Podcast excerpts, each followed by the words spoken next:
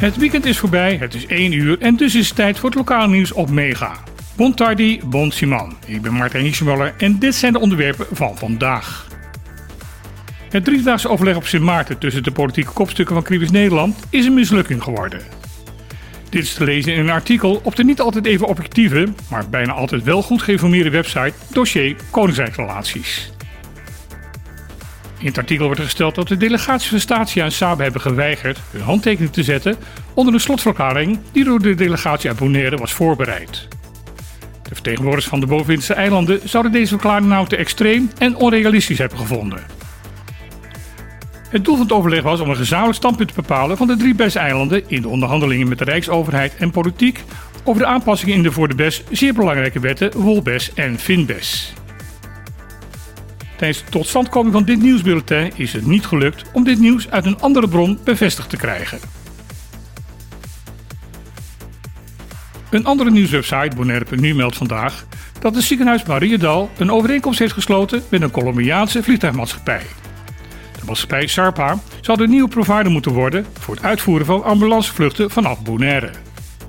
Deze dienstverlening werd afgelopen 20 jaar uitgevoerd door het bedrijf Medicare uit Curaçao. De directie van Meridial heeft in het verleden gezegd een eigen vliegtuigmaatschappij te willen opzetten. Motivatie hiervoor was dat de ministeries in Den Haag zouden hebben aangedrongen op een aanbieder voor deze vluchten met een Nederlandse registratie. Dit om te kunnen voldoen aan de in Europa gestelde veiligheidscriteria. Echter, de nu gekozen aanbieder, Sarpa, heeft een Colombiaanse registratie en voldoet daarmee niet aan deze criteria.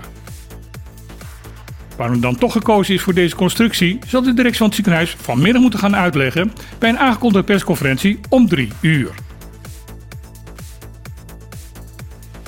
Met bijna 500 bezoekers kan het kitesurf-evenement op Atlantis Beach dat gisteren werd gehouden een succes genoemd worden. Ook dat is te lezen in een artikel op bonaire.nu. Kitesurfen is een steeds belangrijke sport op Bonaire aan het worden, ook al is, volgens de organisatoren van het evenement, natuurbeheerder Stinapa daar niet altijd even blij mee. Maar er wordt gezegd, we zijn op een goede manier met elkaar in gesprek. De toeschouwers en de aanwezige jury kregen een mooie competitie voorgeschoteld, waarbij de kitesurfers hun mooiste kunsten moesten laten zien. De gewaagde sprongen lokten dan ook de nodige O&A's uit bij het publiek.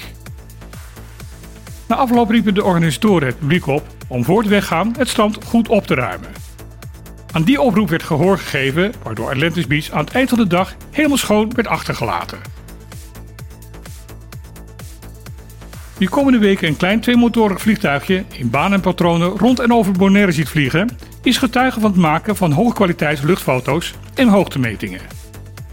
Deze worden gemaakt in opdracht van de Nederlandse overheid. De gemaakte beelden zijn van zeer hoge resolutie en daarmee heel scherp. Hierdoor zal informatie waarover binnenkort bijvoorbeeld het kadaster zal kunnen beschikken, vele malen gedetailleerder en betrouwbaarder worden.